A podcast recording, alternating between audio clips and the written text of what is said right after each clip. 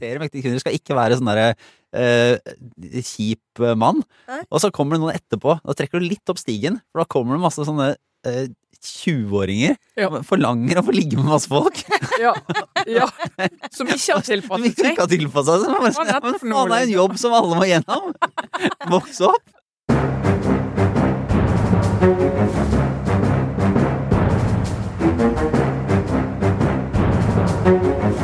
Der, vet du. Da er det ny torsdag og ny utgave av Aftenpodden, og vi er på plass alle sammen i studio. Her er det ikke noen Marius-gensere eller stillongser å se, Trine Eilertsen. Nei, nei, nei. God dag. God dag, god dag, Kjetil Alstheim. God dag, god dag. Her er det både skjorte og slips og jakke og Benklær. i benklær og i det hele tatt. Og Sara Sørheim, du har jo bare en T-skjorte. Det ser jo nesten uh, Hun ser ut som, jo, som hun er leder i NRK. Ja, fy fader, det er en fin T-skjorte. Det er sånn ordentlig, det er sånn dyr T-skjorte. Dere må se forskjell på dyr og eh, Ja, Ja. den er fin. Ja, og så har jeg kuttet meg i fingeren i dag, så jeg er egentlig veldig vondt i tommelen. Og syns veldig synd på meg selv, så jeg er veldig sånn krenkbar. Orker ikke sånn, blir ikke tulla med i dag. Ja, men da får vi se. Vi skal innom eh, Vi må jo innom både eh, kritikk, sterk kritikk. Eh, Vi må innom litt sånn Det her, Jeg får en sånn flashback til aller første utgave av Aftenpodden. Oi. For da satt vi i et lite kott her borte, og så snakka vi om eh, om liksom eh, trøbbel i Arbeiderpartiet. Det skal vi egentlig ikke innom eh, sånn eh, stort i dag. Men kjønnskrigen på internett, Gjorde vi det? det var første tema. Yes. Eh, og nå har vi jo Det har var ikke gått over. Nei, det har ikke gått over. Den raser videre. Eh, Så, så det må vi innom. Og så blir det en eh, liten gjennomgang av en, eh, en endring i Aftenpostens linje. Og, og selvfølgelig obligatorisk refleksjon. Men vi må jo begynne med en beklagelse. Å ja. Jeg må legge meg flat, jeg. Ja. altså jeg Eller halvflat. Eller ja. jeg begynner med å legge meg flat Ja. og se hvordan det går. Ja. Jeg vil si unnskyld til Fremskrittspartiets Erlend Wiborg, Ja, som, si navnet riktig. ja, ja. Som jo har blitt ny leder for Flerkulturelt eh, råd i Moss. Ja. Eh, noe vi bare valgte å løfte frem. Eh, ikke latterliggjøre, men løfte frem i forrige sending. Syns det var litt morsomt. ja. Og da Kom jeg i skade. Kom i skade for å si at uh, hvite menn i 50-årene fra Frp ikke var det jeg tenkte på som den mest naturlige lederen av Flerkulturelle råd. Her er det mye å kommentere og kanskje eventuelt unnskylde seg for, men Han er hvit mann. han er absolutt hvit mann. og han- Ja. Han fylte akkurat 40. Ja. Men skal du beklage det, eller skal du gratulere? Ja, altså jeg, synes, nei, jeg skal gratulere uh, egentlig både han og hans eh, partikollega Roy Steffensen, som jo hadde mye moro ut av dette på, på Facebook i løpet av uka som har gått. Uh, bare si at det, De har gøy humor. De er liksom, de er gøyale. Det er ikke, det er ikke veldig sånn krenkbare snowflakes, dette her. Så jeg har fått, jeg har fått vite at jeg er tilgitt, og jeg har til og med fått et lite hjerte uh, på SMS. Så jeg, og jeg, det er jo det er jo litt kjipt liksom å få ti år på sin alder, så jeg, jeg, jeg tar den. Jeg Den en 40-årskrisa blir liksom plutselig en 50-årskrise. For man eh, Så han er altså 40, ikke 50. Men der kom, så det er unnskyld. Så hans 40-årskrise er å bli leder av Flerkulturelt råd i Moss. Alle har Det er ikke sportsbil. Nei. Så da vil jeg bare si først unnskyld, og så har jeg lært i, i, hos psykologen at man sier unnskyld, men så er det egentlig ikke en unnskyldning. Men likevel. Ja. Fordi at jeg vil bare da si til mitt forsvar Ja. at eh, hvite menn i 50-årene er et begrep som ikke gjelder bare hvite menn i 50-årene. Det er mer en tilstand. Eh, Det kan inkludere mye mer enn eh, menn mellom 51 og 59. Eh, Ja. Trine Eilertsen, for eksempel, er helt åpenbart i perioder en hvit mann i 50-årene. Ja, Og det fins kjerringer av alle kjønn. Absolutt. Ja, så, det er mer en tilstand, og da føler jeg at jeg ikke tar helt feil, da. Når jeg plasserer den der. Nei, ikke sant. Det, det viser seg jo at vi, den tilstanden Ja, vi er litt, litt raske kanskje til å, til å anta at uh, sånne Frp-menn er eldre enn de var. Fordi eh, Jon Helgheim ble også omtalt som en gubbe Ja, det er for et par episoder siden, og han er ett år eldre enn meg. Som vi var innom. Eh, Men altså, veier. som hvit mann i 50-årene så er jeg litt kritisk til at dette liksom begrepet bare skal utvannes fullstendig. Ja, du vil ha mer eierskap til det Ja. Vi må eie det og stå i det og være stolte av det, tenker jeg. Ja, Og det er ikke vits å identifisere seg som det hvis ikke det betyr noe. Nei. Nei. Nei, alle kan ikke være hvite menn i 50-årene. Hva slags samfunn har vi da? Det er Det samfunnet er vi kjenner. dagens samfunn. Ja, ja. Nei, eh, vi må, eh, vi må inn i eh, det som er ukas, og liksom det finalen på, et, på en, en lang, et langt seriespill som har vart helt siden sommeren, da disse habilitetssakene begynte å rulle opp og velte frem, og i det hele tatt. Nå har Nå syns jeg det går litt fort fram. Ja vel? Ja, Ja. fordi Vi, vi må spare litt her, ikke sant? Finalen kommer på tirsdag, for Det- da er det i Stortinget. Det stemmer. Det er liksom oppbyggingen til finalen. Det er litt som Harry Potter, eller unnskyld, Ringenes herre-filmen, som slutter sånn 14 ganger. Altså, Ja. nå, for at Selv jeg har klart å miste litt sånn futt når det gjelder akkurat dette her nå. For jeg er ikke ferdig ennå, nei. Nei, nei, for nå har eh, kontroll- og konstitusjonskomiteen, som har jobbet flittig i, eh, i lang tid, eh, skrevet seg sammen, kommet med sin innstilling. Eh, var det, ble det til slutt over 100 sider? Eh, Den ble lang. Den ble lang. Ja. Ja, Eh, Over 100. og der leverer jo da Vi må liksom gå litt sånn litt forklarende til verks her, fordi det er ikke helt lett å, å følge med på allting, men da deles det jo ut eh, kritikk, sterk kritikk, og på en måte ingen kritikk, men, men i det ligger ikke et fravær av kritikk. Fordi uh, vi starter med de som slipper Så de skryter ikke, for eksempel. Det er veldig lite skryt. Ja. Veldig lite skryt. Men uh, Anette Trettebergstuen og Ola Borten Moe de unnslipper uh, på en måte noe dom fra kontroll- og konstitusjonskomiteen, fordi eh, de tok sin hatt og gikk. Eh, ja, altså det, det komiteen gjør, da, er at de skiller mellom altså det, de, det den er opptatt av, er å plassere politisk ansvar i de sakene. Og så sier de at med Ola Borten Moe og eh, Anette Trettebergstuen så er ansvaret plassert fordi de gikk av som følge av eh, habilitetssakene sine og aksjehandelen til Borten Moe. Eh, så da, da kommer det ikke noe forslag om vedtak, men det er formuleringer i merknader i innstillingen der kritikken ligger. Så det er ikke sånn at de ikke får noen kritikk, men, men komiteen har da ikke et behov for å liksom, si plassere ansvaret sånn som de gjør når det kommer et vedtak. Det blir litt sånn smør på flesk, på en måte. Ja, og det, og det er det som da kommer til Stortinget på, på tirsdag. Da blir det en debatt om, på basis av den innstillingen, og så skal de da forslagene til vedtak eh, eh, voteres over. Eh, og så er det jo da eh, altså Hvis vi tar der det er enige, så er alle en enstemmig komité gir Erna Solberg sterk kritikk. Yes. Hun får mest av den er mest kritikken. Ja, Sterkt kritikkverdig. Ja, fra, fra alle som en, eh, og, og hardt. Og så er det da igjen Tonje Brenna og Anniken Huitfeldt fra Arbeiderpartiet som får, eh, fra et flertall i komiteen, får kritikk, eh, men et mindretall mener jo da at de burde fått sterk kritikk. Og det er litt forskjellig mindretall. Ikke sant? Eh, eh, Høyre og Fremskrittspartiet mener at alle de tre burde fått sterk kritikk, mens det er da Høyre, Fremskrittspartiet og Venstre som vil at Anniken Huitfeldt skal ha sterk kritikk, akkurat som Erna Solberg. Og så kan man, er det jo kanskje noen som lurer på Men Anniken Huitfeldt har jo gått av. Hvorfor får hun eh, sånn vedtak Ja. mot seg, men ikke de to andre? Og forklaringen på det er at hun for det første, hun gikk jo ikke av da saken kom opp. Fordi Jonas Gahr Støre sa at eh, dette går fint. Tillit? Ja. Og så gikk hun av senere, og da var måtte, begrunnelsen for at hun gikk av, var litt uklar.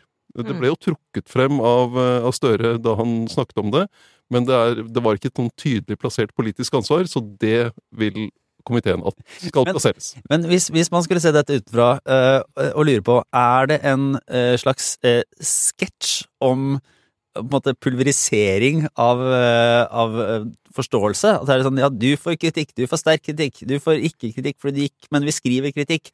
Altså, det, det løftes jo fram nå som en sånn der, det første liksom steg på veien mot å gjenreise tilliten til politikerne, og det er så viktig å vise ansvarlighet, og, og, og eh, PC Frølich, som leder kontrollkomiteen, er stadig ute og snakker liksom, ikke sant, dette er godt jobba oss og står sammen og godt samarbeid og alt mulig rart, men eh, det høres jo helt forbanna eh, kokt ut, liksom. Hva er, hva er det her for noe? Hva, hva, er forskjellen på eh, sterk kritikk og kritikk? Eh, har det noen betydning? Er det noe eh, måte straff involvert? Er det noen som klarer å skjønne hva dette er? Alle de fortsetter jo bare. Ja, men det, det jo Altså, det har jo fått konsekvenser for, for noen av dem ved at de har eh, gått av. Ja, men det er jo saken, ikke kontrollkomiteens Ja, ja. vurdering av Jo, men så, så er det jo kontrollkomiteens oppgave er å føre kontroll med regjeringen. Og når det da har vært eh, trukket konsekvenser og plassert politisk ansvar, så er det jo rimelig at de sier ok, da var det Det er liksom kvittert ut. Men her eh, er det litt uklarheter, og det, da vil vi klargjøre hva, hvor det ansvaret ligger. Ja, Jeg syns de har greid å lage et ganske ryddig skille der. Ja, for det går an å se eh, Det kunne jo også ha spilt seg ut sånn at disse sakene kom opp i fjor, og så sa Støre at nå skal kontrollkomiteen se på det, så statsrådene sitter frem til de har levert sin konklusjon, og så skal vi vurdere om de må gå av. Det hadde ikke gått an. Nei, det, nei men, hvis, Men da hadde men da måtte effekt. de ha gått av. Men, Ja. men han sier nei, tilliten er brutt, så han må gå av med en gang. Nei, altså hvis det hvis, eh, La oss si det er jo én som sitter her, da. Tonje Brenna. Hun får eh, kritikk på tirsdag. Eh, og et kritikkvedtak betyr ikke at du må gå av som statsråd. Hvis, skal, eh, hvis Stortinget skal liksom felle en statsråd, så er det mistillitsforslag. Det er liksom next level. Det er etter kritikkvedtak.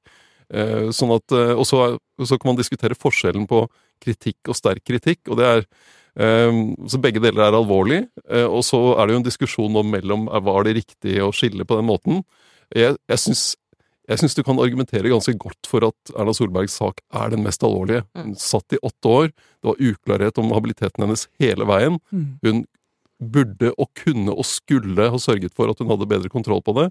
Eh, saken ligner på Anniken Huitfeldts sak, som også hadde en sånn aksjehandlende mann hjemme.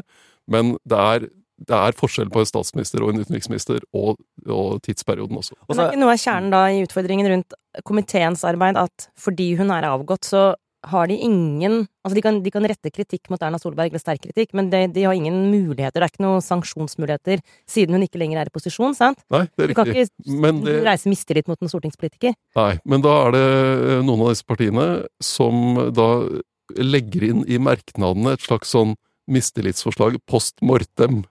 Altså, hadde du vært statsminister, så hadde du måttet gå. Sånn, ja. sånn kontrafaktisk eh, historieskriving om at eh, dette Hun kunne ikke sittet med eh, som statsminister hvis, eh, hvis dette var kommet frem Men den kan- gang. Kan det være med en sånn framtidig eh, Er det sånn, kan de si at eh, vi Du har Altså, hvis, jeg får spørre på en annen måte. Hvis hun ikke hadde tillit Hvis hun hadde sittet som statsminister nå, så hadde hun ikke hatt tillit, og det hadde kommet et mistillitsforslag. Mest sannsynlig. Men, men hun er jo den samme personen, og hvis hun da blir valgt igjen, er det sånn at da, da utløses det Og en sånn betinga dom. Nei. Ja, sånn er det ventedom. Ja, Skjønner? Som er sånn, Ja, for, det, men altså, for dette handler jo om Dette er jo ikke en én sak. Dette er, som du er inne på, Kjetil, dette er en feilvurdering fra henne gjennom en hel, nei, to hele perioder som statsminister. Så hvis man tenker på det på den måten, så er det sånn Det er jo en Det sitter jo dypere enn det var, at, at hun én gang gjorde én feil.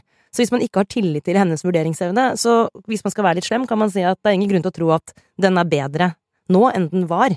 Menneskets hjerte forandrer seg som kjent aldri. Eller, Men- eller ektemannens hjerte. Ja. Hvordan funker det, liksom? Altså når hun, hvis hun, ikke når, hvis hun blir gjenvalgt som statsminister, hva, hva skjer med denne kritikken da? Kommer han tilbake igjen? Nei, altså den, den, den innstillingen ser jo bakover på det som er skjedd. Så det blir jo en sånn uh, dom i ettertid, på en måte. En sånn uh, eh, tilbakeskuende vurdering.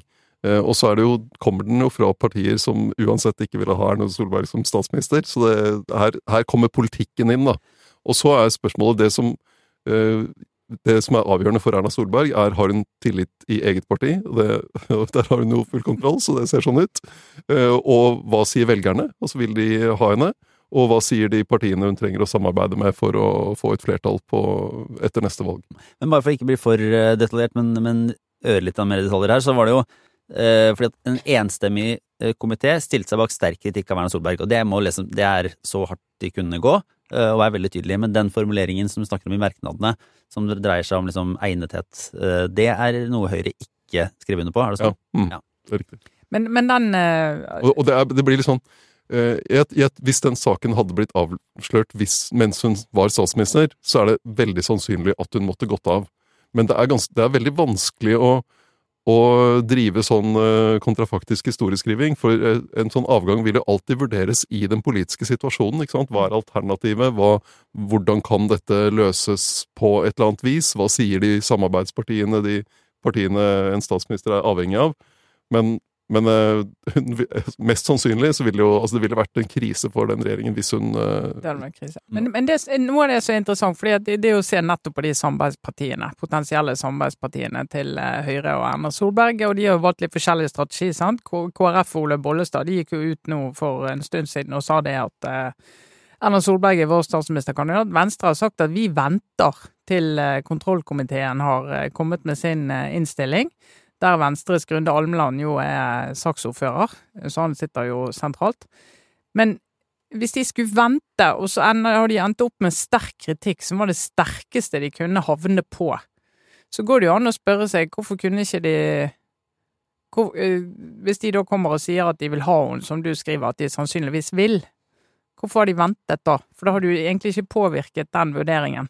Ja, men jeg tror, altså, jeg tror nok det at Grunde Almeland er saksordfører for det, har gjort at eh, de vil prøve å ha en ryddig runde, la den saken gå, Mm. konkludere den, og så, og så må det jo for både Venstre og Fremskrittspartiet må jo se da, altså hva er alternativene her? Hva er eh, en sannsynlig statsministerkandidat på borgerlig side? Og hva, hva kan tjene dem i valgkampen? Og for Fremskrittspartiet så tror jeg det er akkurat den habilitetssaken blir noe av det de kommer til å legge minst vekt på. Det blir mer sånn strategisk. Skal vi heller kjøre Sylvi Listhaug som statsministerkandidat? Eh, de har Fremskrittspartiet er jo I Fremskrittspartiet er de mer eh, Har de større problemer med Venstre og Kristelig Folkeparti enn med at Erna Solberg er gift med Sindre Finnes. enn, ja, enn at Erna Solberg er gift med Sindre Finnes. Ja. Og det, hvordan de skal håndtere det Ja. uh, i valgkampen, valgtaktisk, De trenger litt tid på seg. det er det som avgjør. Erna og Sindre har bryllupsdag i dag. Ja, det har de. De gifter seg på skuddårsdagen. Mhm. Så de har bare feiret syv bryllupsdager eh, istedenfor de Nå husker jeg ikke i farta hvor mange de fa kunne hatt, da, hvis de ikke hadde valgt denne dagen. Og da må jeg bare tenke, tenkte jeg litt sånn Det er litt ballsy, men også litt kult å velge seg 29. som bryllupsdag, for det er sånn du slipper unna. Altså hvis ikke ekteskap, Nå, nå har jeg snakka ikke om de to, da, men sånn generelt, hvis ekteskapet ikke funker sånn 100% så slipper du i hvert fall kan du i hvert fall feire bryllupsdag bare hvert fjerde år, da. Det hedger deg jo litt, på en måte. Ja, men jeg lurer på om det er for å, for å øh, Dette blir langt inn i det, men for å dyrke liksom det er veldig spesielt, og, og det er så øh, sært. Eller om det er sånn Det er litt slitsomt å feire som bryllupsdager. Eh, Det er veldig effektivt. Det er så mye reising å holde på uansett. Og det er egentlig det er minst skuffelse hvis vi bare sier at det her er hvert fjerde år, og da gjør vi det. Og en pragmatisk tilnærming. Ja. Så hun har lagt ut på Instagram i dag en eh, hilsen til sin ektemann og forteller at de har bryllupsdag i dag. eh, Og at livet som eh, ektepar eh, både har gode og mindre gode dager. Jeg syns det var, jeg så at hun har lagt ut eh, en eh, post på Instagram, så var jeg veldig nysgjerrig. og tenkte skal hun nå kommentere den kritikken hun fikk i går? Nei. Nei. Men hun var jo på en måte inne på temaet. Og under, det var et bilde av hun og Sindre Finnes hånd i hånd på en skøytebane. Ja. Så det var på en måte en sånn slags Ok, det kommer en sterk kritikk, jeg har forklart hvorfor dette skjedde. Endrer ikke på noe. Vi er fortsatt på glattisen. Ja. Vi, eh, vi, vi skal skli videre Eh, sammen. Isen holder. Det var liksom håper at det holder. vann. Ja. Nei, men så fint. Men eh, dette her, du har helt rett i at finalen kommer neste uke, Kjetil. Og, og vi eh, feirer eh, dette på et vis, eh, selvfølgelig. Vi kan minne om det, eh, med et eh, liveshow på Sentrum Scene eh, på tirsdag 5. eh, mars. Eh, Så der er det fortsatt noen billetter som kan kjøpes hos Ticketmaster, og da har vi jo et godt eh, nå eh, utvalg av gjester. For vi kan jo avsløre at gjest én er jo da Høyre nestleder Tina Bru. Og gjest nummer to altså, det er ikke noen rangering, egentlig. Det var, dette var mer kronologisk i, i, mitt hode her.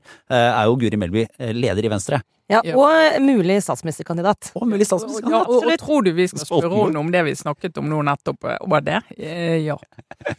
Så da kan vi virkelig dykke ned i dette og, og ganske så mye annet uh, interessant fra, fra den politiske vinteren. Det har, det har gått i både det ene og andre.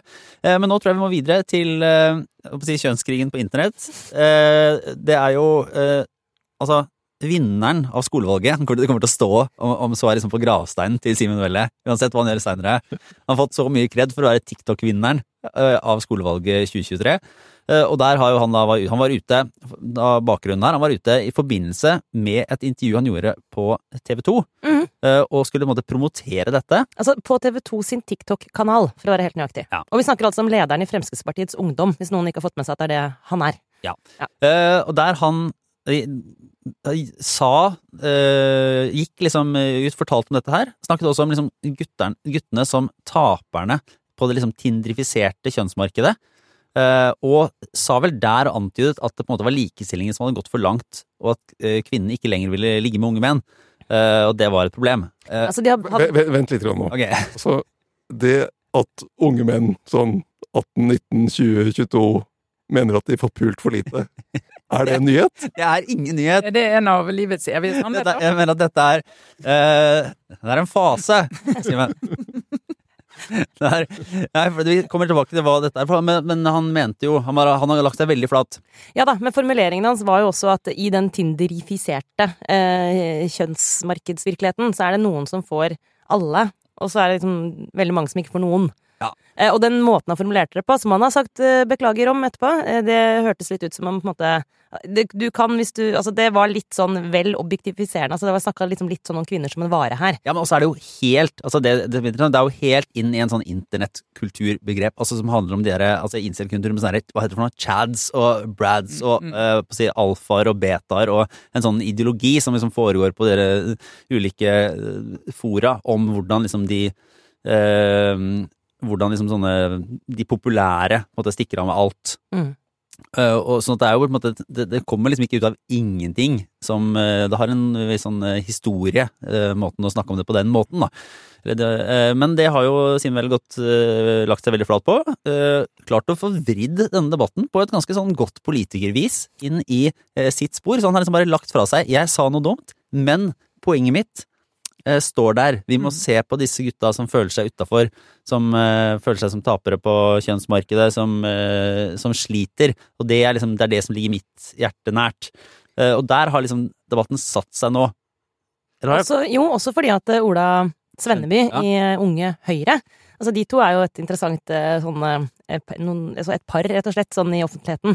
Eh, FPU og Unge Høyre. De, der er det jo der er det jo, de, de to der tror jeg vi ikke er ferdig med, for å si det sånn. De kan, hvis de vil fortsette i politikken, nok være der lenge. Men det er jo en annen diskusjon. Men, men han har også kastet seg på, og, og støttet også opp under at liksom det, dette er en tematikk som vi er nødt til å løfte.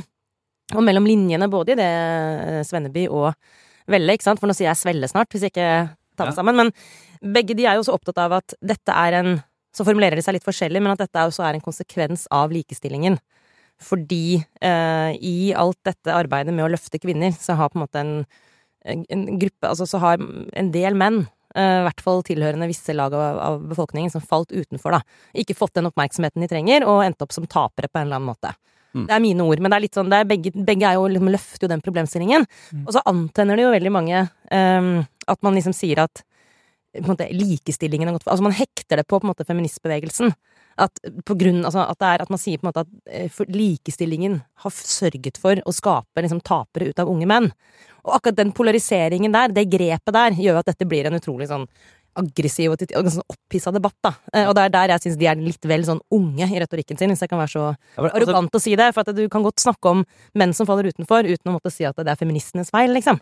Men da går jo debatten litt eh, i grøfta, ikke sant? Ja, her, eh, jeg merker jeg kan få litt sånn her Litt, eh, litt eh, sliten av det nå. Tenke litt sånn at ok, nå tar liksom gutta og eh, høyresida, kulturelle høyresida, eh, inn den der liksom offerretorikken. Nå må samfunnet hjelpe oss fordi det er så vanskelig å få eh, finne partnere og eh, hvem tenker på oss. og liksom Det følger opp det de egentlig har klaget på tidligere, at venstresida har gjort for mye. Så liksom snakka om liksom, eh, offer og behov for at liksom, staten skal gripe inn og hjelpe, og, og liksom, ofre for strukturer og alt det som er sånn. Dette, dette har jo dere egentlig sagt at ikke var så farlig. Og så får litt sånn der, er, er, er, ikke dette en, eh, en fase skjerp dere, liksom? Dette, en ting, ikke sant? Det er masse unge menn, og sikkert kvinner også, opplever at ikke de får eh, ligge nok eller får nok oppmerksomhet fra de de er interessert i.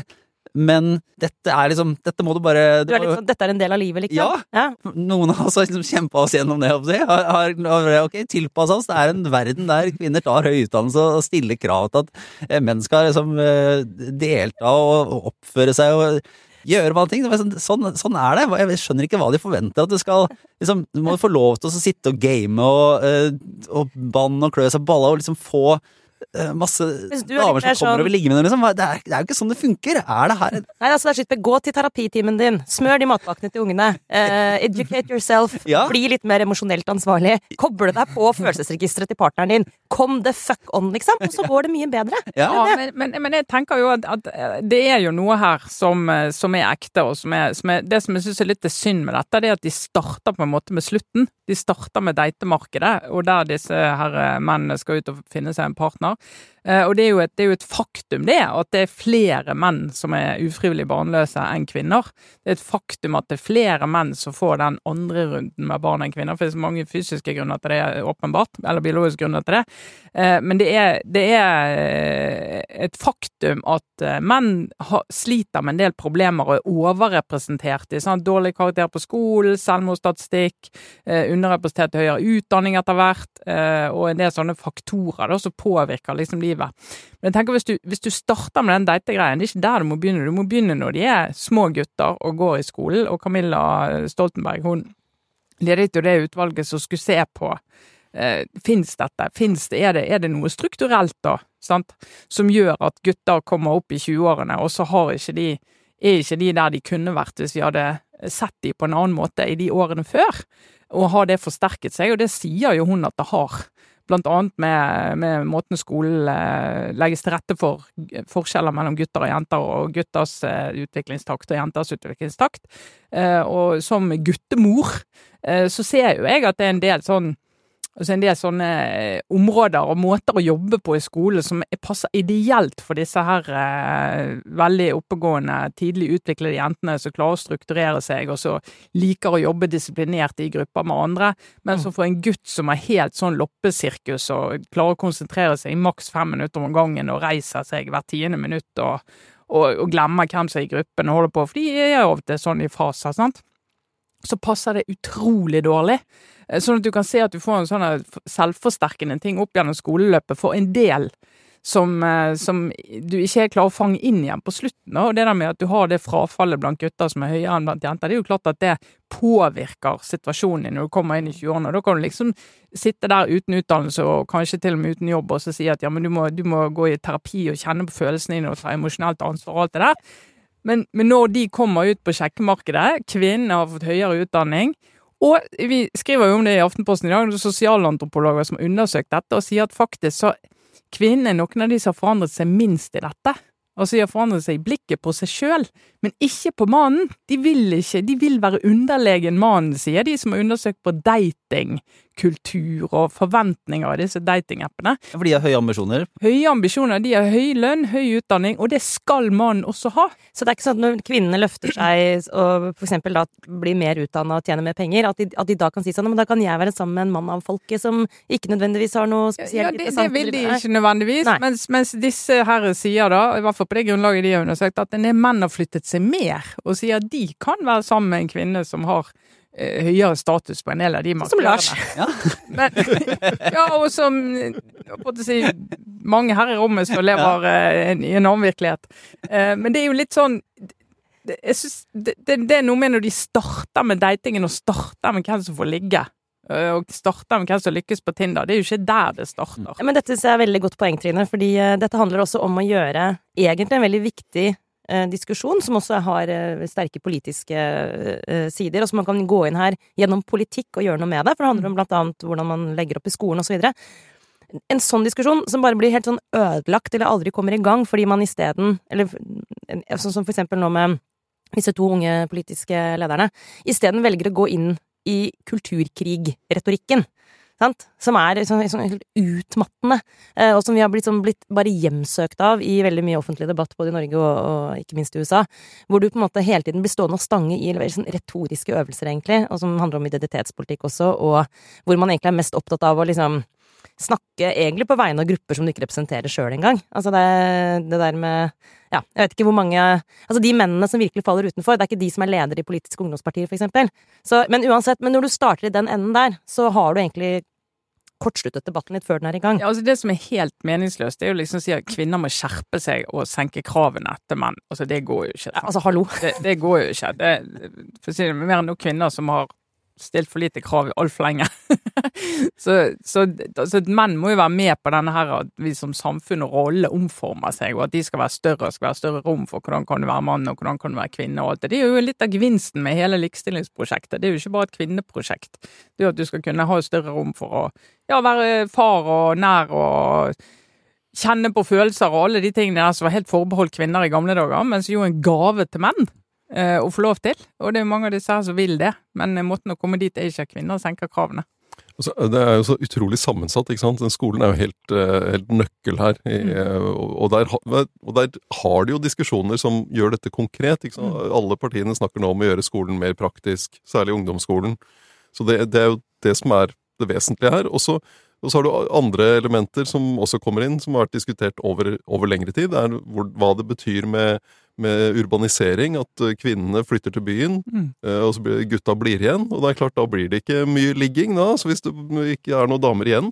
Og det, det er jo ikke bare et norsk fenomen, du ser det jo i, i andre land også. Mm. Som er noen sånne store makrotrender, da, som, eh, som det er vanskelig å altså, Hvordan skal du politisk uh, gjøre noe med det?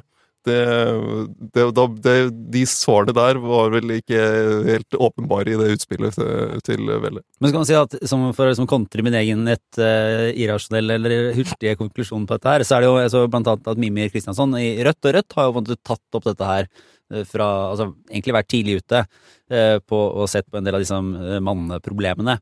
Så der, der Kristiansson var liksom på at ok, vi er jo veldig flinke til å snakke om struktur på, på alle områder. Eh, også her skal vi si at det er liksom fullstendig fritt marked.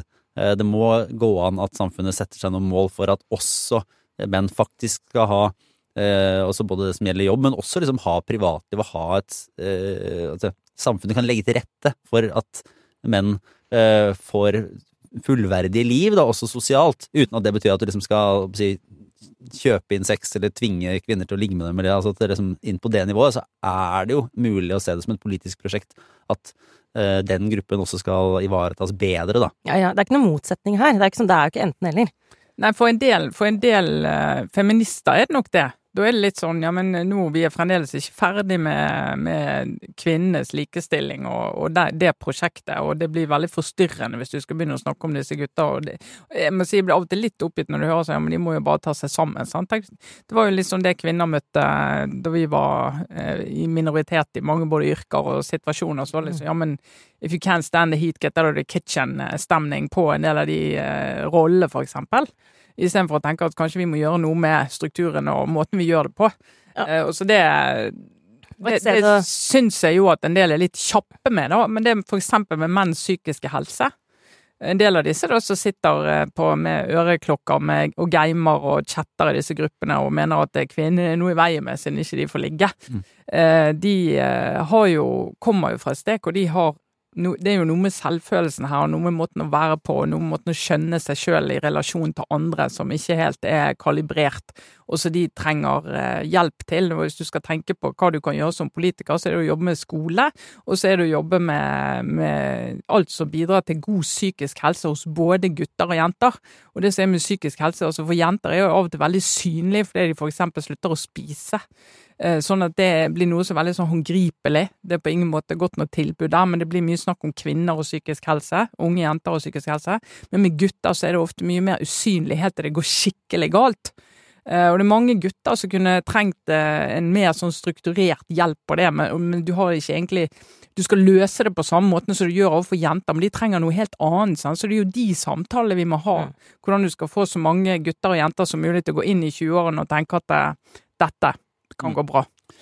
Eh, jeg tror eh, vi går videre til en, eh, en endring. Det er spennende vet du, når det kommer opp Aftenpostens lederartikler. Der er det stadig gull og glitter. Det er for øvrig en, en jeg liker dette, kan introdusere det her med at vår dyktige politiske journalist i Aftenposten, Kjetil Sørenes, har en forkjærlighet jeg tror ikke han har problemer med at jeg er enig i dette, forkjærlighet for lederartikler også de som er kjedelige, fordi at av og til så vil det skje en endring. Sånn at du ser det litt sånn i USA når sånne aviser har vært republikanske talere eller støttet republikanske kandidater i 170 år, og så kommer Donald Trump, og så er det sånn Nå sier vi nei, og da har det på en måte tyngde, når en kan bryte et mønster. Uh, det var jo sånn i 1994, EU-kampen, da Dagbladet skiftet syn gikk fra nei til ja. Det var jo, da var det jo Det var slutten på den. Det var jo oppslag, ja. oppslag. Det var papiravisens tid.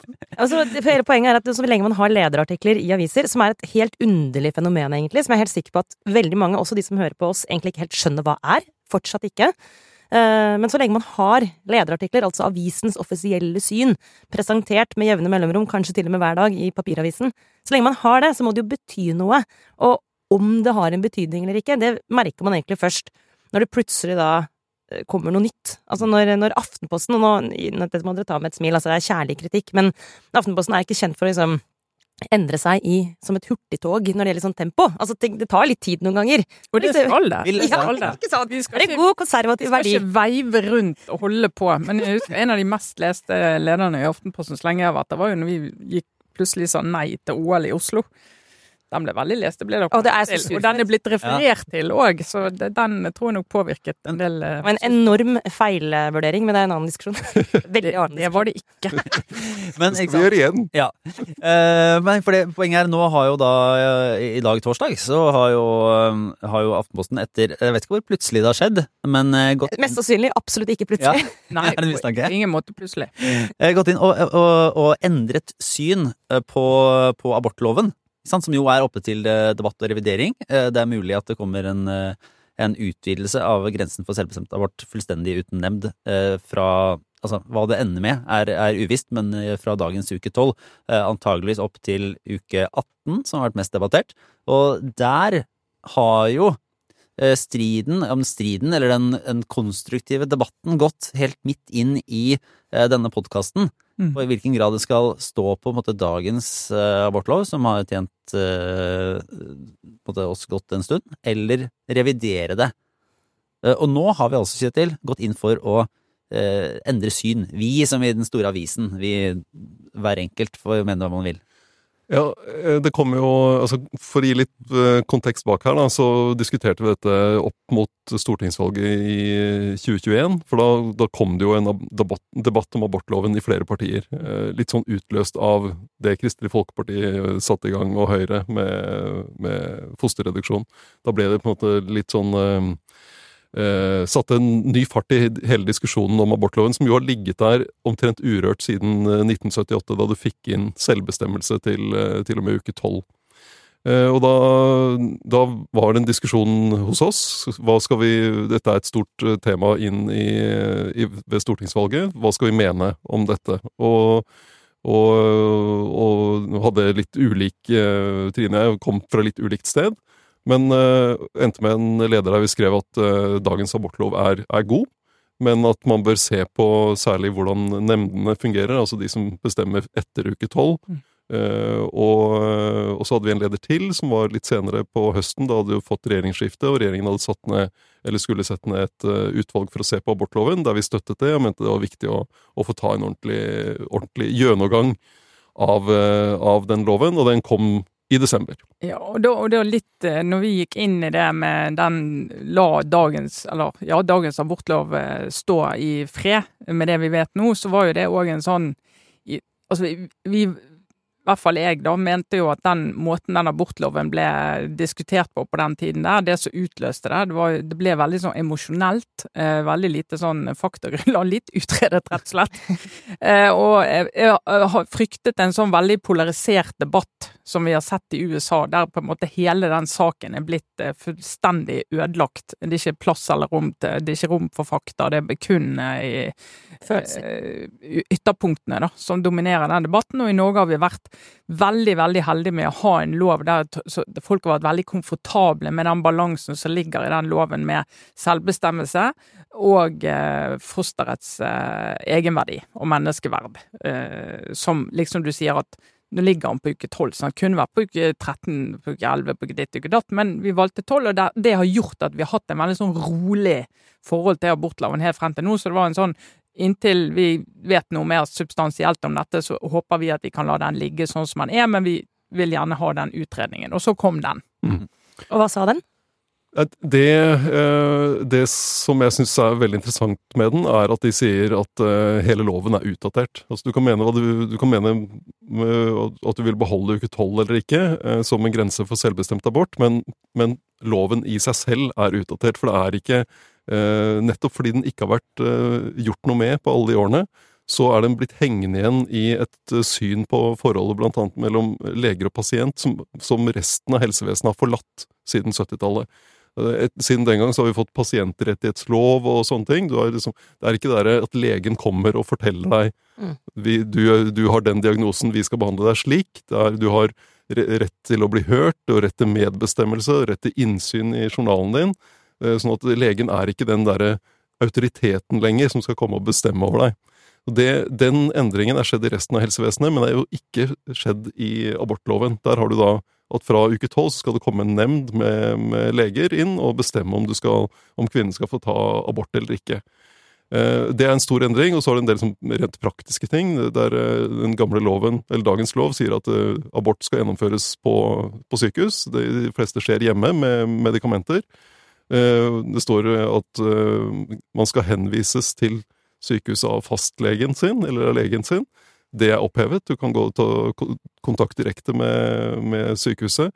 Sånn at den er De argumenterer veldig godt for at du trenger å Uansett hva du mener om hvor grensa skal gå, så må du lage en ny lov. Også fordi underlaget her de går tilbake, det, det er også viktig i jussen, da. Hva er det som ligger under i, for en lov? Og der ser du en del holdninger til kvinner som, som vi om at de annet må ha denne, denne, denne nemnda som kommer inn fordi de kan være litt for impulsive. Å, ta Å, beslutninger. Ja, ja. Det, er, det er liksom litt ting Når du går og graver liksom i, i røttene til den loven, så ser det ikke helt bra ut. Da ser det ikke bra ut. Og da ser du at loven er utdatert, rett og slett. sant? Og det var jo det som var, er så fint med det utredningsarbeidet. Eh, men det var jo det var jo den òg og diskusjonen før den valgkampen, så var det sånn ok, vi må gå fra 12 til 18 uker for selvbestemmelse. Og da var det jo å få frem blant annet hvor få aborter som skjer etter uke 12, og på grunnlaget for det, og det har jo utvalget gjort en kjempefin jobb med. sant? Og det er jo over 90 av alle aborter skjer jo før uke 12. Men hva var det dere konkluderte med, da, i lederen? Altså, hva, altså ja, man må ha en ny abortlov. Ny lov, ja. For å si, altså, jeg syns det, det det utvalget har gjort, og fått fram av eh, fakta og historikk og vurderinger, gir et mye bedre grunnlag for å ta en beslutning. Mm. Altså, vi, det, det å vente å få satt ned utvalget var smart. Eh, og nå har vi jo eh, i den lederen gå inn for både altså du må ha en ny lov, og at vi bør flytte grensen for selvbestemmelse til uke 18. Mm. Og det, det er ikke, altså Uke 12 er, det er ikke noen medisinsk begrunnelse for å ha det ved uke 12. Det er heller ikke noen medisinsk begrunnelse for å ha det ved uke 18. Men spørsmålet er liksom hvor langt skal du bevege deg opp mot der fosteret defineres som levedyktig? Mm. Der man nå i forskriften har uke 22. Og det- og så kan det være usikkert med hvor gammelt er dette fosteret egentlig. Så det, og uke 18 er også sånn etablert i dagens forskrift som en sånn et skille. Så det er argumentet for å ende på uke 18. Det som eh, politisk eh, står nå, er jo spørsmålet om hva som kommer av, av konkrete forslag fra regjeringen, ikke sant? Eh, der det er et lite usikkerhetsmoment rundt Senterpartiet. Senterpartiet har jo sagt at de kanskje ikke skal komme noe i det hele tatt. Marit Arnstad har, uttalt det. Sånn at du har jo en, en konflikt her mellom Senterpartiet Eller ulikt syn, da. Mellom Senterpartiet og Arbeiderpartiet. Eh, Og så er det situasjonen på Stortinget er at du I sånne saker så lar ofte partier øh, representantene stemme etter egen samvittighet. Og du kan få, med noen utbrytere her, så har du et flertall for å endre loven. Mm. Men jeg tror det beste ville vært om man fikk et, gans, et ganske bredt flertall, der man lagde en helt ny lov, og kunne legge, lage et nytt nasjonalt kompromiss Mm. som, som kunne stå seg. Var det van var det, har det vært vanskelig for dere to? Jeg bare, sorry, litt Ja. mer på det emosjonelle registeret, Lars. Når dere jobber med Altså, dette her er en sak som både er den politisk eh, betent, den er sånn litt sånn teknisk òg, Mm. med medisinsk og alt mulig, og den er veldig prinsipiell. Eh, og så er den emosjonell. Altså, det det er helt umulig å snakke om abort uten å på en eller annen måte tenke på egne barn eller andres barn eller egne graviditet. Altså, dere vet. Så liksom, bare sånn, trenger ikke å dele mer enn dere er komfortable med, men sånn, en sånn prosess i en ledelse i en avis, og særlig mellom sjefredaktør og politisk redaktør, da. Mm. Er det, altså, Altså, jeg, var det vanskelig? Altså, jeg tror det Jeg, tror ikke, jeg synes ikke det har vært emosjonelt vanskelig på den måten at altså, Vi er jo ikke enige om det grunnleggende, og har ikke vært det heller om altså, selvbestemmelse og at fosterets eh, verdi, menneskeverdi, slår inn på et tidspunkt. Det er, jo ikke, det er jo ikke vi uenige om, og det er jo av og til der man går i grøften med at enten så har det verdi fra unnfangelse, eller så har det ikke verdi frem til nesten 24 uker. Mm. Eh, Det, det er kun kvinnen da som, eh, som skal telle, og vi har, vi har jo vært enige om at denne balansen må finnes der, da. Eh, Men så har vi jo liksom diskutert oss frem tilbake, og jeg har jo, jeg har jo dratt litt på det, og liksom før den utredningen kom, og vi hadde jo et møte med hun eh, utvalgslederen også her, som jeg også var med på, sant? hørte hun gikk gjennom det. Eh, Og det er jo ikke alle saker vi har det, men nå vil vi liksom være vi vil sitte og høre det samme og, og diskutere det med utgangspunkt i det, og ha lest det og liksom jobbe litt ordentlig med det, så vi er komfortable med det. For dette er typisk sånn standpunkt som Aftenposten på lederplass skal stå i ganske lenge, og skal kunne forsvare på forskjellige steder, og kunne forsvare hvorfor vi har skiftet. da. Men så må jeg si for min del, altså en utredning. Jeg mener, What's not to like? De løser det meste, liksom. Ja, Det er hjerte i hjertet. altså. ja, den, eh, ja men det er, det er veldig bra. Det en fascinerende del av jobben som redaktør i avis at innimellom så må man faktisk bruke arbeidstid på å helt reelt diskutere saker som dette her, da. Ja, Som er noe ganske annet enn en medarbeiderundersøkelse eller et eh, budsjett. eh, Ja, eller et uh, inntektsinitiativ mm. i timen etterpå. Så det er jo noe av det som gjør for min jobb uh, gøy. Sånn, jeg tror vi går inn i en runde med obligatorisk eh, refleksjon, jeg. Eh, Jeg kan egentlig begynne, eh, for jeg har, jeg har en Det er på en måte et bidrag til, til, til spalten Smått og stort fra uka som har gått. Som vi introduserte her. Det er mest smått, det skal sies. Vi har liksom vært innom litt stort, og så, så kom vi til litt smått. Og der vil jeg bare si jeg er veldig takknemlig for, for innspill, ikke sant? Altså dere som hører på, som at du, god lytter, kan eh, sende inn ting som dukker opp fra lokalpolitikken eller andre steder.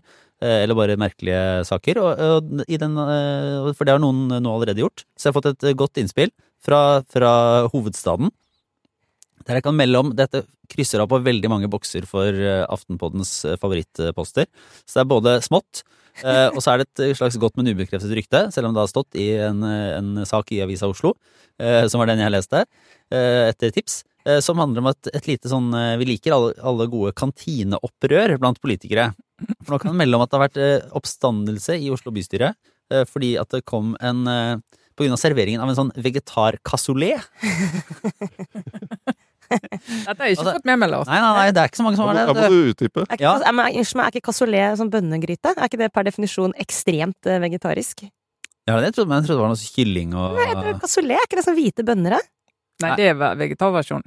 Ja, den var i hvert fall ikke populær. Fordi det nettopp ikke var kjøtt. Ja, altså, det, det jeg tror det ble både på en måte kulturkrig og kulinarisk krig eh, mot dette her. Så, så selv eh, ordfører Anne Lindboe var inne og måte, eh, tok vel en form for selvkritikk for retningslinjene som er lagt. Ville ikke skylde på kantina eller, eller skal si, eh, restauranten, men, men tok selvkritikk for rammene som er lagt fra politikernes side eh, for at dette ble eh, servert. Jeg har ikke gått helt, helt i dybden, Nei. eh, men uh, Men den store cassoulet-krigen Så blir det kritikk eller sterk kritikk Nei, eller mistillit.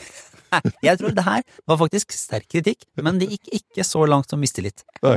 Eh, Så, for her var på en måte parter sittende i uh, Så, så her kunne det i, i verste fall, eller altså kunne i mest dramatiske fall, ført til praktiske og konkrete mistillitsforslag, men jeg tror ikke det gikk fullt, fullt så langt.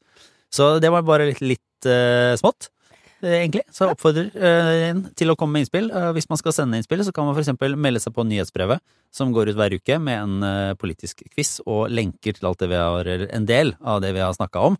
Så det kan du gå på aftenpodden.no og, og melde deg på. Det kan også dere som lytter nå i en åpen, god utgave av denne Aftenpodden-podkasten melde dere på. Det er ikke forbeholdt Aftenpostens abonnenter. Så gjør det, og da kan du bare sende meg en mail med gode innspill, eller så kan man jo gå på Facebook-siden vår, selvfølgelig.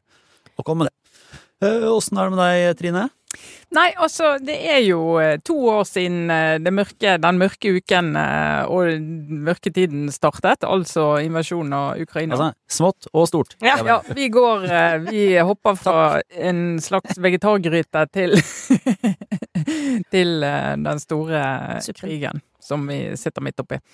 Eh, og jeg sier vi, fordi at Europa er fullstendig en del av dette, og hele den vestlige verden. Og jeg mener alt vi tror på, alt vi, den rammen vi lever innenfor. Jeg er blant de som mener at det er liberaldemokratiet. Hvis ikke dette ender med at Russland må trekke seg ut og gi opp, så eh, er vår måte å leve på eh, står i fare. Bare så det er sagt. Så koses litt med den tanken. Men det som er, er ganske krevende for alle, tror jeg, det er jo også for politikere. og Det er derfor vi ser at eh, det er vanskelig å få vanskeligere og vanskeligere å få en del nasjonalforsamlinger med på å fortsette støtten til Ukraina, hvor stor skal den være, hva er balansen mellom de, og oppgaver vi må få gjort hjemme, og vi har mye å holde på med for tiden, og ser i USA har det liksom det går bare rett og slett ikke særlig bra, med tanke på at USA skal stå i og støtte denne i denne krigen som er på andre siden av havet, og det er ganske oppegående politikere som sier at men dette har vi gjort mer enn nok av, eh, nå må vi slutte med det. Mm. Eh, Så vi ser jo det at både på de nivåene som skal være opptatt av vår sikkerhet og vår mulighet til å leve i et liberalt demokrati, er så vanskelig, og så er det vanskeligere for oss som enkeltpersoner å, å forholde oss til dette over lang tid. Og vi ser jo det på lesing sant, av saker. I Aftenposten blant annet at det ikke er så lett å engasjere så mange, og det er, det er som sagt eh, helt forståelig. Men den trettheten er jo veldig farlig, så vi jobber veldig, veldig veldig hardt. Folk hos oss jobber veldig veldig hardt med å prøve å finne historier og måter å gå inn i dette på som kan engasjere folk, sånn at de på en måte blir minnet om hva dette er. Eh, og to av våre journalister, Helene Skjeggestad og Gina Grieg Risnes, som er i Ukraina Helene er eh, her i Oslo men har jo jobbet mye med både Russland og Ukraina i mange år. Veldig, to veldig kunnskapsrike, dyktige journalister. Eh, de har jo jobbet med et lite prosjekt eh, som er blitt publisert nå i disse dager og disse ukene. Eh, der vi blant annet møter Sveta Tsjujeva, som er 33 år, som Helene har hatt kontakt med i ti år. Som hun ble kjent med da hun var i Ukraina en gang. Og en småbarnsmor, så hun følger og forteller litt hvordan denne krigen har forandret hennes liv, og hva hun gjør for på en måte beholde en viss normalitet, eh, prøve å ta vare på disse barna hun har i denne situasjonen, og ha en hverdag da, eh, i dette. Eh, og prøve å ikke la denne Når jeg sier at jeg er urolig for hvordan det går med liberale demokratier, jeg tror ikke det er det hun tenker på. Jeg tror hun tenker på hvordan skal jeg klare å, å få barna mine til å vokse opp med på å si, mental og fysisk helse i behold, eh, få gått på skole, få gjort liksom, ha en fremtid i dette landet, og hvordan skal jeg klare å være en god mor, og hvordan skal vi klare å holde dette sammen nå på sånn litt kort sikt, par års sikt. Eh, og de historiene er veldig fine og veldig godt, eh, godt fortalt, så vi, jeg skal lenke til de nyhetsbrevene, anbefaler virkelig eh, alle å lese de. Eh, åssen er det med deg, eh, Sara? Du, jeg skal også snakke litt om journalistikk, men fra en annen tid. Er det smått eller stort? Eh, nei, jeg syns det er litt stort, jeg. Ja. Men det begynner i det små. Ja. Det er begge deler. Det, og det begynner også med at jeg har jo en ambisjon om å lese litt mer. Da er jeg jo helt ødelagt av konsentrasjonsevnen. Men eh, jeg har funnet ut at sånn Du skal ha mindre skjermtid? ja. Ja. Altså, jeg har gitt opp å gi barna mindre skjermtid, men prøver å gi meg selv mindre skjermtid. Og det går også veldig i dass. Men eh, det hjelper å finne tynne bøker med morsomt innhold. Men her en kveld så kom jeg over en, eh, en bok i min egen bokhylle eh, av Einar Førde. Og han føler jeg er litt sånn Han har fått et oppsving etter makta. Det Ja. må være lov å si. Altså, det handler kanskje mest om Gro, men jeg føler at Einar Førde liksom alles favoritt-bikarakter.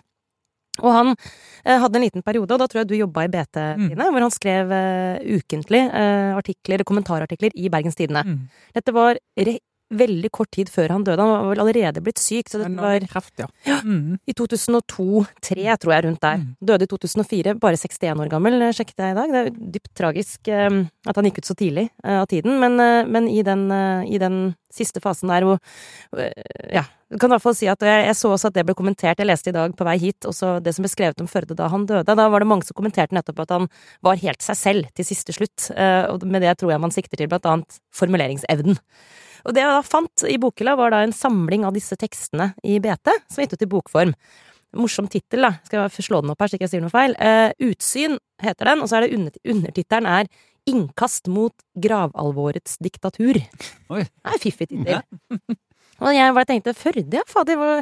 Så jeg åpna og satte meg og leste, og da blei jeg så glad. Altså, det var eh, ikke nødvendigvis tekster av vanvittig høy verdi, fordi det vet alle vi som har jobbet i avis. Altså, avistekster de dør jo, og skal dø ofte, med døgnet. Du trenger ikke liksom å knekke nakken på å skrive liksom noe som skal stå inn i evigheten, og det å gi ut avistekster i bokform kan ofte slå fryktelig feil. For det kan fort bli utdatert. Men han er jo en, eller var en skribent av en viss karakter, da. Så selv om det er noe av det som på en måte tenker at ok, det var litt vel preget av det man diskuterte den gangen, så er det likevel en utrolig morsom samling tekster å lese i dag. Av mange grunner. Både fordi det er vanvittig velformulert, men det som var poenget mitt akkurat nå, var vel egentlig at 2002 Altså, det er jo ikke så lenge siden, men fy fader, hvis man skal legge dette til grunn, da, så mye mer åpent og uten forbehold, i hvert fall han, da, formulerte seg. Mm.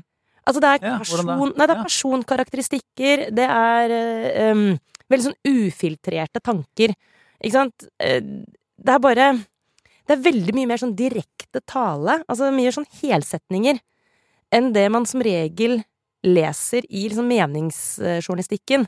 Altså, vi lever i en kultur hvor jeg tror man ofte føler at man må ta forbehold i veldig mange sammenhenger for å ikke krenke noen, for eksempel.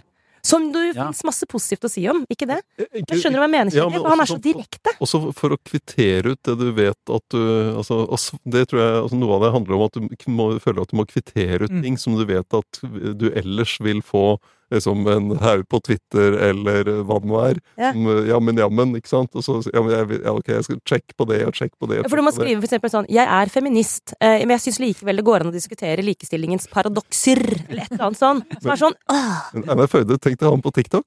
å, fy fader. Han har personkarakteristikker, han skriver om Lars Sponheim blant annet. Det er, så, det er så gøy, ikke sant? Og så tror jeg det er et eller annet med at når du når du skyter i 360 grader, så, så får det være Jeg tror han skriver eh, Filleren skal ha hatt med meg boka, så jeg hadde formuleringen helt konkret, men jeg tror han skriver et par steder at her går det innimellom. Jeg tror det er i forordet. Det kan gå gærent, liksom. Mm. Det er, det er heat of the moment, men det kan gå, gå gærent i alle retninger. Og det må man liksom bare tåle. Det, det, og det er noe med det, i hvert fall må jeg få lov å si som vestlending, da, det der litt sånn direkte, å kunne bare legge til grunn at de som hører på, de, altså, de gir deg for at du ikke er et ondt menneske som er liksom helt kunnskapsløs, selv om du har noen spissformuleringer. Ja, ja. Men i dag er jo det det er rommet, for det er blitt mindre, altså. Husker du det sitatet om å gå ned til vannet? Gå ned til vannet og sitte og nippe til en eh, kasse, halv kasse hvitvin. Det var før En kasse hvitvin, ja, det var Førde. Nei, det var bare Nydelige formuleringer. Ja, der er det, der er det. Og dere kan jo, de som er interessert, kan jo, kan jo også bare slenge inn en anbefaling på vår kollega i Aftenposten, Frank Rossavik, sin eh, biografi over Førde som heter Stikk i strid. Da får man også en, eh, selv om det er jo Franks eh, ord, så får man jo, blir man jo kjent med denne karakteren, da, hvis man har blitt litt mer nysgjerrig etter å ha sett makta. Ja, men Så bra. Og du, Kjetil, runder av? Eh, smått. Ja, veldig bra. Eh, En film Ja. som heter Perfect Days, og som eh, en veldig, veldig fin film. Handler om eh, å glede seg over de, de små tingene i hverdagen. Nei, vet du hva, da, unnskyld, da får jeg sånn Jo, ah, jo men den, den er eh, ja, ja, Det er sånn Instagram-konto jeg har sett litt for mange av, som er sånn ja, jeg tror filmen er bedre. da. Ok, greit. Få høre. Jeg skal ta deg på alvor. Tysk regissør, Wim Wenders. Å, Ja, ikke sant? han er kul! Ja. han i livet? Yes. Han, er, han begynner å dra på åra, men han er i live og dratt til Tokyo. Lagd en film der, på japansk, eh, med en fyr. Godt opp i 50-åra, tror jeg vi kan si. Eh, som eh, vasker toaletter i Tokyo. Og gleder seg over de små ting i livet. Eh, og så Jeg syns den var, var veldig fin film. Og så jeg tror, jeg, tolker den som et sånn mer sånn allment budskap. da, altså Gleden over vaner, gleden over ting du gjør gjentagende. ikke sant? Men du kan komme inn med, på en annen vei inn i den filmen og si dette er en sånn glorifisering av, uh, av øh, de sliteryrkene. Ja. Og at øh, du tar en sånn, sånn øh, Mimir Kristiansson-tilnærmingen Ja. ville vært det. Men nå skal en eller annen eh, hvit middelklasse filmregissør uh, smykke seg med at han liksom forstår folk som vasker dasser Ja, folk Ja. koser seg med å vaske dasser til underbetalt eh, jobber og sånn. Man kan ha den tilnærmingen. Da tror jeg ikke den blir så, så fin. Men jeg likte den. Ja, jeg, skal se den. Jeg kjenner at det, det er gleden ved de små ting i hverdagen. Det tror jeg fra øverst til nederst til bortest på skalaen kan vi ha godt av. Ja. ja. Nei, men Så fint. Da runder vi av denne ukens eh, Aftenpodden. Vi må jo oppfordre alle som hører denne i eh, såkalt åpen feed da, i andre kanaler, å abonnere enten på Podme eller Aftenposten og, og høre hver eneste eh, utgave. Eh, Det setter vi jo pris på. Og så får vi bare minne igjen på at vi har liveshow på Sentrum Scene i Oslo nå på tirsdag 5. mars. Heter det, med Guri Melby og Tina Bru. og Det tror vi blir veldig gøy. Og det er jo selve habilitetsdagen. Selve habilitetsdagen. Ja, det er så flaggdag og sånn, ikke sant? Ja. I Grunnloven. Ja. Finaledagen. Offisiell fridag, tror jeg. Ja, Ikke for deg, da. Nei, ikke for meg. Nei.